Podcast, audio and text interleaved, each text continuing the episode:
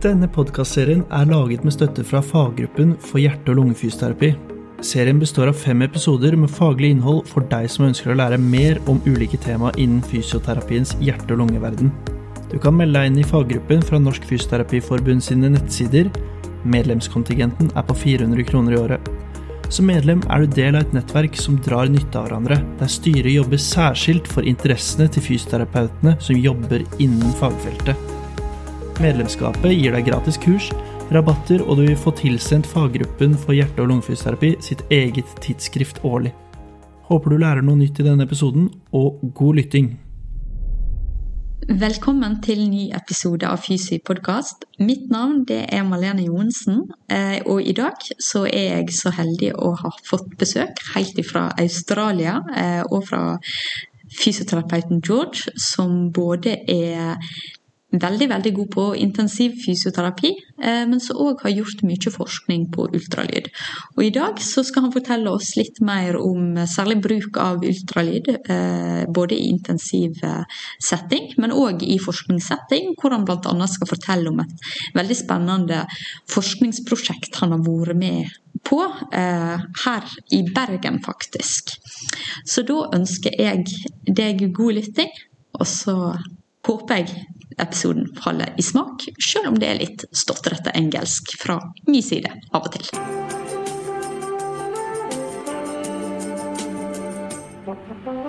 Come to this podcast, George Pinopolis. Is that correct? Ntoumenopoulos. Ntoumenopoulos, Correct. sorry. That's all right. Very nice to have you here in Fusy Podcast today. You have been traveling all the way from Australia. Yes, Sydney. Australia. And uh, who are you? So I'm uh, of Greek heritage. I was born in Perth, Australia. Uh, I spent um, uh, some time initially graduating in Perth, Australia, back in the mid 80s. So I'm, I'm a bit older than probably most of your audience. I then moved to Melbourne, uh, stayed there for uh, a, quite a few years.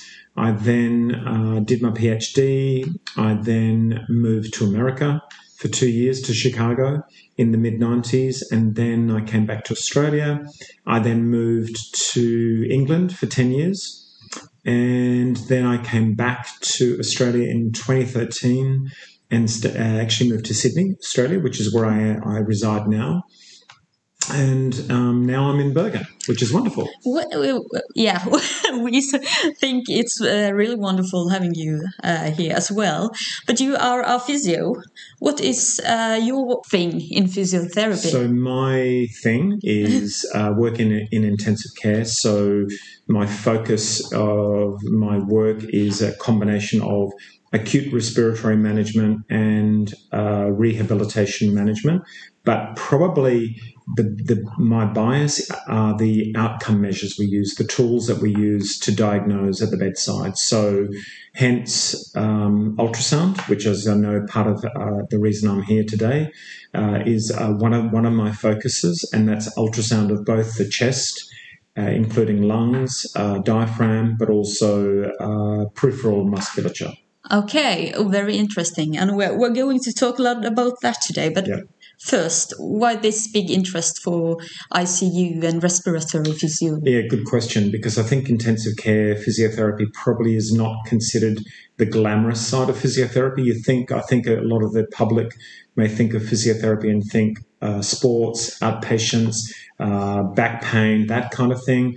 I think many people think, well, why would a physiotherapist work in intensive care? I think the public don't understand that you can work with patients who are not awake and not able to participate with you because again they probably think that you focus only on exercise they don't realize that the body can be predisposed to complications of being uh, uh, resting in bed for prolonged periods of time and not awake and being dependent on mechanical ventilation and having a, uh, a breathing tube to provide mechanical ventilation. And with that uh, there are increased risks of the retention of secretions and mucus, and therefore the development of lung collapse consolidation, pneumonia. So, my interest is that we as physiotherapists, I think, can provide therapy to assist with the recruitment of lung, meaning opening lung up, but also to assist with the clearance of secretions on top of the standard uh, physiotherapy that most public which, uh, public is aware of, which is exercise and rehabilitation to uh, prevent loss of muscle strength and uh, joint movement. Mm. Uh, so it's a very important job early in the early. rehabilitation phase. Yes. Uh, but you are from Australia, so, uh, as you said, and you have lived in England and in America, and now you're in Bergen. A little bit interested in is there any common uh, between these countries? What is different? Yeah, look, good, really good questions because mm. you think um, England and Europe probably are more similar in regards to both uh, the way society functions, some more um, community socialist minded, versus America was challenging for me. Uh, it was both exciting and also challenging, both personally and professionally, because the American way of life is very focused on the individual, not focused on the community, because it's very much a private payer kind of focus. Mm. So, therefore, healthcare is very different. Healthcare is not about having one organization, one public system to manage healthcare. It's very different, and it, that provided a lot of challenges professionally. For me, the, the, but the common thread now, I think, is the world is a smaller place because of the internet. Yeah. And I think that now I realize that the common thread is where interesting work is happening is where I feel I would like to either be or like to collaborate with. And so Bergen for me is I read about Tiina Andersen, who's a physiotherapist who is an expert at uh, looking after patients with neuromuscular disease and the impact of the various therapies like cough assist or non-invasive ventilation on the function of the larynx when I read about her work and I realized that here's something that we, I think we could do with ultrasound mm. rather than relying on uh, invasive measurement like putting nasoendoscopy down. So for me, it's about where is the interesting work mm. happening and therefore where could I potentially collaborate? That's probably the common thread. Yeah, uh huh, interesting.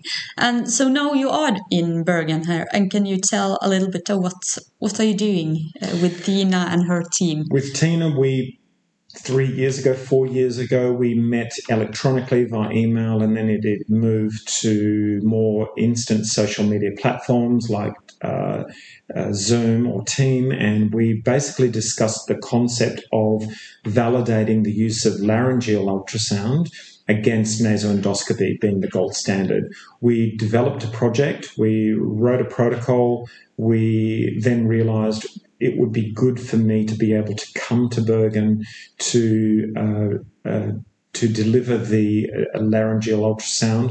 And so that for that reason, we needed money. So we applied for funding. We got funding locally through this organisation, which we're very grateful for. And with that, we were therefore able to uh, progress to where we are now, which is to actually undertake the data collection phase. We had COVID, which affected the whole world mm. for the mm. last couple of years, which uh, made delays in this project. And I was concerned, and I know Tiina was concerned at one stage that we would, this project was not going to happen. But we're very grateful that I am here now, and really, we've just we've just finished the data collection phase, mm-hmm. and we're just about to now start the data analysis very interesting because what you are doing here is you are uh, for people who don't are that familiar with the larynx and could you explain a little bit okay. what are you looking for and you uh, are talking about ultrasound yes. but you also have this camera scoop yes. uh, in the now nose, the nose yes. yeah so good, really good questions because we know that uh, the the, uh, the ideal way to watch the vocal vocal folds function is by using a camera in the pharynx in the upper airway to visualize the vocal folds uh, opening or abducting during inspiration and adducting during expiration. And and then I just have to ask because someone have this uh, uh, inverse movement of the uh, uh, larynx, uh, and that's what's well known as exercise induced yes. larynx. oh, laryngeal obstruction. yeah, thank you. and then you have this when Yes, you're yeah yeah so people are familiar with what ILO is Yes. uh, and what th- that's what you're looking for Well, I suppose what we yes we are looking for abnormal movement of the voice box during the delivery of therapies like non-invasive positive pressure ventilation Yeah. and cough assist or where you're providing positive pressure during inspiration and negative pressure during expiration mm. via a face mask. Now this would be used in patients with severe neuromuscular disease like mm. ALS or motor neuron disease as known in other countries. So in this in this current project, we are studying normals or healthy. So we don't expect to see ILO commonly or what you're describing as ILO. What we are spe- expecting to see is that we're expecting to see the voice box, for example, abduct during inspiration, which is a normal movement, and slight uh, adduction or closure of the voice box during uh, breathing out or with these therapies. And we hope, therefore, that we can see the same movements with ultrasound as we can see with the scope. And that is really the purpose, primary aim of this project. It's the fact that we can observe the direction of movement of the cords as opposed to actually seeing the pathology because we don't expect the pathology to occur in this group of uh, healthy subjects. I would expect that, therefore, beyond this project, if we then studied patients with uh, ALS, for example, I would expect that uh, what Tiina Andersen and her group have shown is that a large percentage of these patients may get adduction or closure of the mm. vocal cords during the delivery of positive pressure or cough assist, and therefore they use the nasoendoscope or the more invasive measurement tool to adjust the settings on the ventilator to reduce this adduction or abnormal movement during inspiration and or expiration. Mm. So I'm assuming we can do the same with ultrasound, mm. but obviously not as invasive as putting a scope down the airway. Way. And I would hope, therefore, this could be a treatment that could be applied both in the clinical setting, meaning hospital setting, outpatient setting, or even in the home. Because this device is portable, doesn't require any, for example, uh, topical uh, anesthetic spray to uh, tolerate the procedure. It means it should be applicable readily at the bedside or in the home scenario. so so it's uh, actually to see if the it's a way for tailoring the pressure Correct. with, when using uh, something that gives you a positive pressure. Correct. Yes. Correct. Okay. Good. So and uh, of course it's much easier to have an ultrasound Yes. outside your Outside the body. outside than a camera inside your body. So Yes. uh, this would be very very Yeah. good for the patients. Yes, correct. Yeah. The only the only issue I think we will face, and this is borne out by the literature, as uh, because you're using the thyroid cartilage as your viewing point for observing the movement of the cords, as uh, the person ages, so the older the individual uh, and gender, meaning male, males as you get older, the cartilage becomes more ossified. So therefore, that can become a barrier to the ultrasound. So there will be some limitations to the use of this technique, and there may be instances, for example, where you cannot view in great quality when the probe is placed anteriorly on the front of the throat. However, there are alternatives. The alternatives are that the methods also include applying the probe laterally onto the larynx, so you can therefore view the arytenoids, if I use that term. Mm. So you can view the lateral part of the vocal cord or vocal fold laterally, even in individuals who are older or male. So there are alternatives. So That's very That's good. Yeah. Have you uh, you haven't done the analysis yet? Yet. Yeah, but do you have a feeling of the uh, feeling is is that yes, within the we we studied thirty individuals, ranging from the early twenties of both gender up to the mid sixties, and the individuals who were of older age were all male, and they were more difficult, more difficult to view the vocal fold function anteriorly. However, we were able to view laterally everybody. So that in itself is a, uh, an interesting finding and it's promising because it means that there are alternatives. And this has been borne out by the evidence base using laryngeal ultrasound in other uh, conditions like patients before and after a thyroid, thyroidectomy. They Mm. may have vocal fold dysfunction, it's, and it shows exactly the same thing. Younger individuals, females are easier to image. The older you become, as you, uh, if you are male, you're, it's a little bit more difficult, but it's not impossible. And and now you're speaking a lot about ultrasound and the diagnostic ultrasound.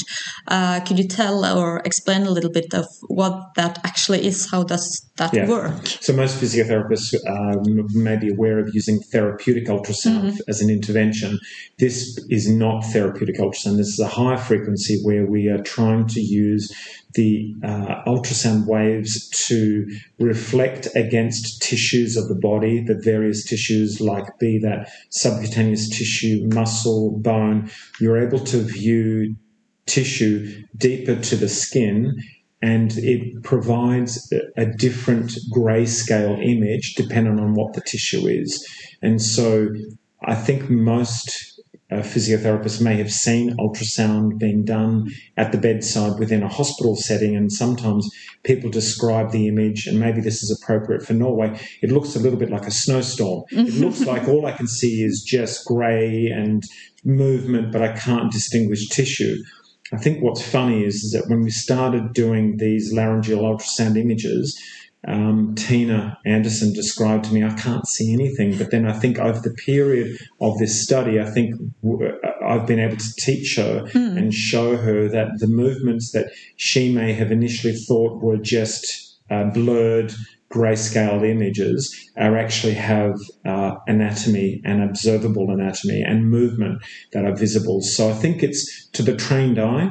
I would say that the uh, ultrasound tech, ultrasound can be applied to many parts of the body, and I think it's about just having uh, adequate training in what you're looking for, and the fact that it requires a bit of skill, but it is something that, that is achievable for clinicians, including physiotherapists. It's very readily, very readily achievable. Yeah, that's very good. But I, I have to agree, it's like a snowstorm looking at Yes, these images. It is.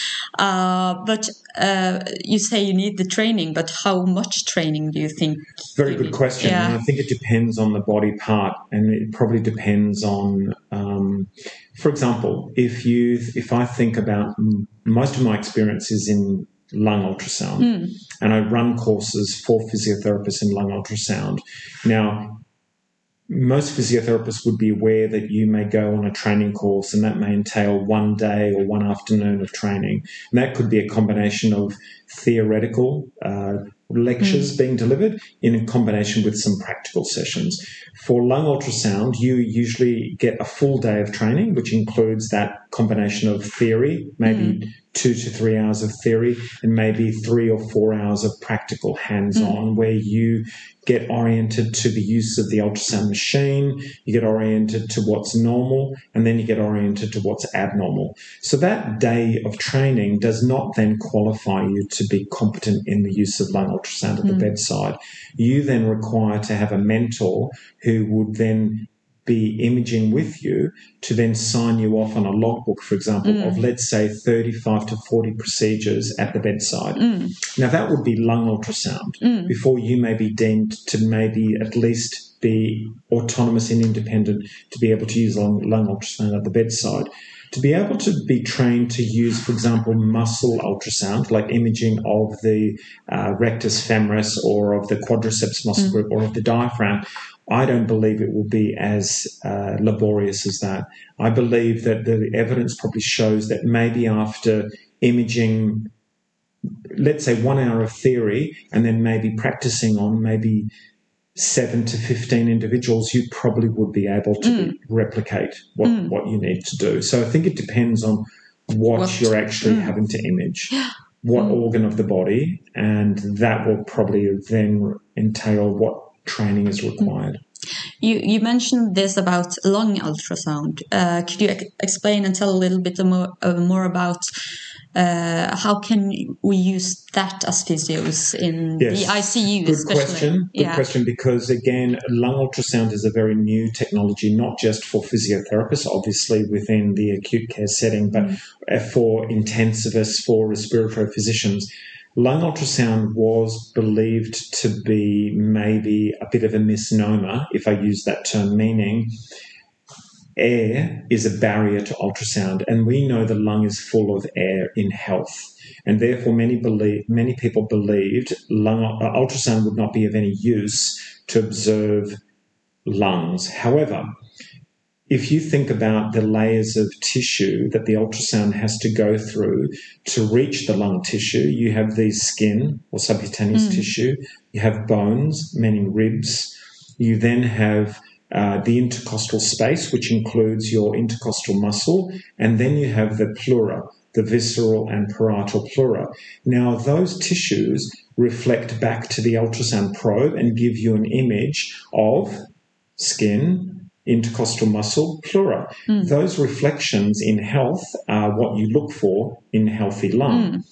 The lung that is full of air then reflects that ultrasound back, and then you can see reflections in what appears to be the lung, but actually all it is is just a reflection of the pleura into the lung aerated space. Mm. When the person, for example, is in intensive care or lying in bed with pneumonia or develops a pathology like lung collapse or pneumonia, the lung now is no longer full of air but full of soft tissue, mucus, or inflammatory products. Now the ultrasound starts to penetrate deeper within to the chest, and now you start to view some tissue beyond the uh, pleura into the lung itself, and it, now now it appears a little bit like tissue, like the liver or the spleen. So it now is not full of air, but it's full of like a solid substance. Mm. And that image, when you start to see what appears tissue-like within the lung space, this is abnormal and associated with ill health, like pneumonia or lung collapse. If the person, for example, develops pulmonary edema, where mm. they are full of fluid, that also gives you specific images. Now, the ultrasound beams also penetrate, but they give a different image. They give what we call B lines or vertical artifacts, which again means the lung is now full of fluid not full of air and not full of soft tissue, mm. but full of fluid. And that gives a slightly different image. So, lung ultrasound is very useful to differentiate between normal health, uh, wet lung or pulmonary edema, and solid lung like pneumonia. And that is more a more accurate tool than the chest x ray. The chest x ray is substandard when it's compared to mm. ultrasound. Mm. If you use the CT scan as the gold standard, lung ultrasound has much greater sensitivity and specificity than chest x ray has against CT scan as a gold standard. So it's repeatable, no radiation, it's applicable at the bedside. So we as clinicians should be adopting tools that are more accurate mm. and uh, safer to apply at the bedside. I totally agree, and it's also uh, you don't have to wait for someone yes, to or to move the bed or. it also means too that we think about how, why should physiotherapists use the tool. Mm. I've had other physiotherapists critical of me and saying, why don't you just wait for a sonographer, like an ultrasonographer, to come and do the imaging? And my comment to them is, well, it's like saying, ask somebody to come and use a stethoscope and mm. listen to the lungs for you and then listen to the lungs again after the intervention. Mm. So I would argue and say, you need the tool one to triage as to whether the intervention requires physiotherapy. Like if it's a pleural effusion, like fluid within the chest wall space, versus lung collapse consolidation, ultrasound will help you decide does it need physiotherapy or does it need medical intervention. Then, when you apply the intervention, let's say it's lung collapse, you would use ultrasound to determine the effectiveness of your intervention. Mm. What's the point of thinking you're going to have to ask a sonographer back to re image when they that that defeats the purpose. Mm. It's actually about utilizing a tool that is readily a, a, a usable by the clinician at mm. the bedside. So it's about actually increasing the tool base or the outcome measure that the clinicians can use by themselves at the bedside. Mm. And as you say, it's a really good tool to actually check did my treats uh, work? Yeah, work? yeah.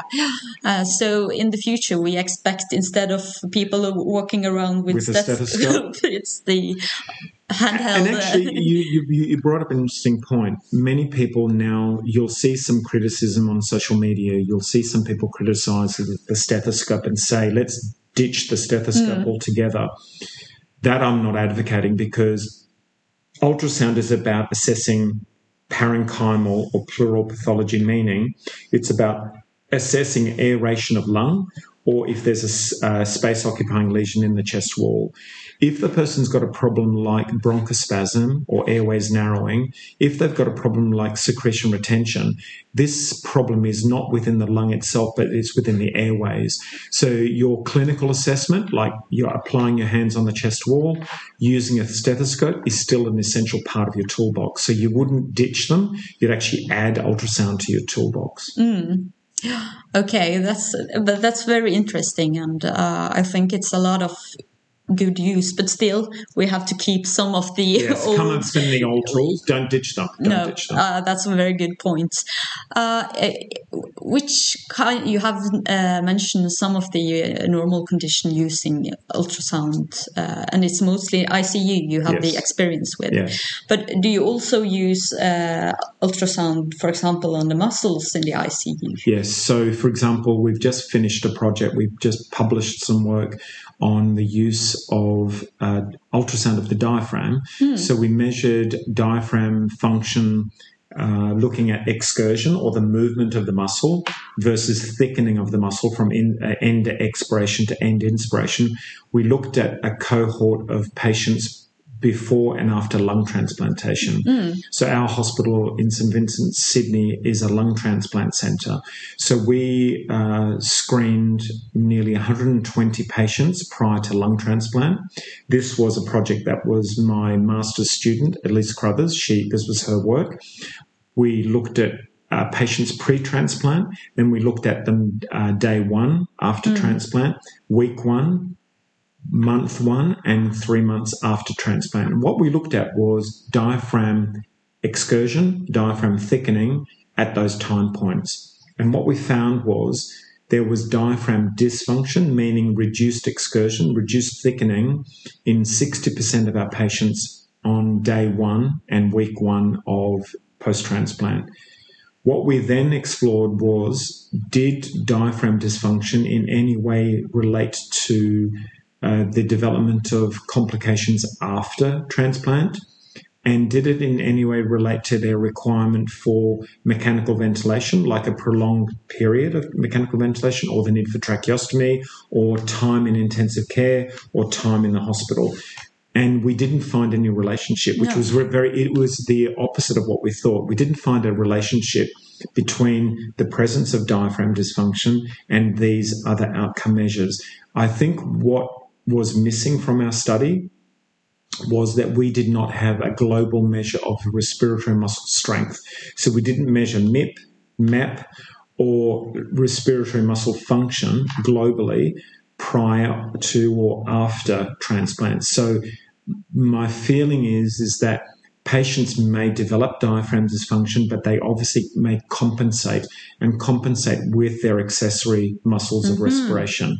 So I think that that was probably what was missing from our project. Yeah, of course. Yeah. Uh-huh.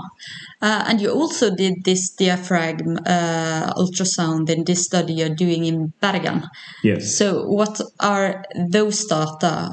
Uh, So the current the current yeah, study we're doing now. yeah. You, uh, what are you using the diaphragm? Uh, Yeah, so we're using diaphragm ultrasound in this current project, which is we are uh, uh, looking at healthy normal individuals. We are looking at them during normal breathing, during the delivery of non-invasive ventilation, and during the delivery of cough assist or mechanical in-exsufflation. The reason we chose, I suggested that we also look at diaphragm excursion, was that if it was difficult to view the larynx or mm. laryngeal ultrasound, then the movement of the diaphragm could be a surrogate measure of diaphragm dysfunction. So, if, for example, there was an abnormal movement of the larynx during uh, the delivery of non invasive ventilation or cough assist, for example, during inspiration, you'd expect that if it, there was adduction of the vocal cords during the positive pressure delivery, that the therefore the diaphragm would not have as much Ah, excursion. yeah, of course. So that makes sense. It makes sense that if you've got if you've got a blockage at the uh, laryngeal inlet, then you expect that there's going to be reduced excursion. So we're using it as a surrogate. And we therefore think that that could be useful for maybe the older individuals, our older patients, where you think you're trying to titrate your therapy. You could probably just put the probe on the diaphragm to assess the effectiveness of your Uh-huh. positive pressure. Very smart. uh, so uh, I see there is a lot of advantage with using ultrasound as uh, a diagnostic tool, but is there any disadvantage? Yeah, look, the disadvantage, the potential disadvantages or limitations of ultrasound could be that it is some people uh, that have been critical of ultrasound often advocate that it's very clinician dependent, meaning the expertise of the clinician. And so, therefore, unless you your experience, maybe novice individuals can't do or mm. apply the technique. I mean, it's a, it's an interesting argument because I suppose it's an argument you can make about any assessment that requires a clinician to actually make the assessment. Mm. So really, for me, that's a criticism of any assessment technique that mm. requires a clinician's experience. The the only restrictions for the use of ultrasound in pathology that I'm aware of would be if there are barriers to the ultrasound waves passing through to the tissue you're trying to observe. So, if the person has sustained trauma hmm. to the chest wall and has got surgical emphysema, so if they've got air within the subcutaneous space, that's a barrier to ultrasound. Hmm. However, it doesn't mean you can't get around it. So the probe and the amount of pressure you apply to the chest wall, if you can push the surgical emphysema out of the way, you still can probably view it. The only other barrier would be if there's dressings, if there's thick dressings over a wound, that could be a barrier to the actual del- delivery or Yeah. uh, use of ultrasound. The some people describe um, morbid obesity as a barrier. That when I was a novice using ultrasound, that was a barrier, but I've realized again, as you increase your skill level using the technique, you realize that you can actually still image even with uh, barriers of excessive subcutaneous tissue. You can still get around it. So actually, there is not any harm. No, no ultrasound. harm. no. The only the only potential harm, I suppose, could be that if you believe that you've viewed something and it's mm. the skill of the individual making the judgment call, that maybe it's what intervention could be done on that individual on the basis of what you thought you saw. So mm. that's where there could be harm. Mm. If you, for example, say, I saw a pneumothorax, mm. but actually it wasn't a pneumothorax, but it was artifact, and then the person ends up with a chest drain. Yeah. That's the potential harm. But is that what, yeah, could that harm- happen? That could happen. Yeah, but that could happen That in any really- assessment. So uh, uh, ultrasound is a No. not harmful No. uh, way of No. diagnostic tool. That's very uh, very interesting. Uh, do you have anything you want to uh, any subjects you want to talk Um, about? I think, I suppose, when you think about the theme of this uh, podcast, I think that probably why I chose ultrasound as a, a, an- a tool to investigate further for our profession.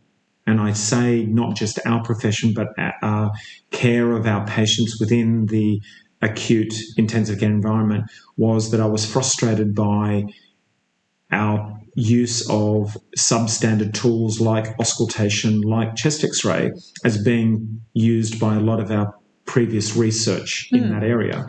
And I realized that we need tools to develop our area of physiotherapy because I think that what I have seen with research within intensive care across the world is that the focus now is rehabilitation within hmm. intensive care. That's the focus. Early mobility, early rehab, which is obviously very, very important. But I feel that maybe we as clinicians, because we may be inexperienced and maybe um, not using the appropriate tools, we are maybe not aware of the potential benefit we could have with our patients who are acutely unwell and may benefit from physiotherapy interventions at the bedside when they are unwell prior to their ability to participate in rehab.